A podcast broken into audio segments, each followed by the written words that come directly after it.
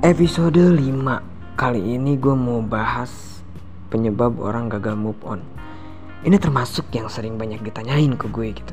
Kenapa sih bang banyak orang yang sering gagal move on? Gak banyak gitu kisah cinta yang berakhir mulus kayak di FTP-FTP atau film gitu. Itu mungkin yang jadi faktor penyebab orang sering gagal move on. Mereka sering nyangkut pautin hubungan mereka dengan sesuatu seperti itu kayak kisah cinta mereka tuh kayaknya mulus banget gitu. Kenapa sih gue nggak bisa kayak mereka? Komitmen itu mahal harganya kayak minyak goreng. Tapi emang kadang komitmen tidak serta merta jadi penentu hubungan yang berlangsung baik-baik aja selamanya. Kenapa sih orang-orang sering gagal move on gitu? Karena rindu menurut gue.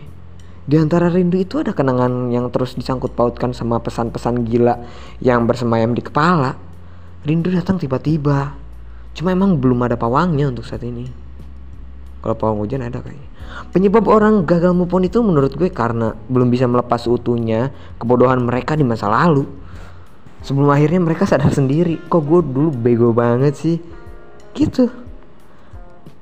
Gak ada gagal move on karena cintanya yang luar biasa. Gak ada men.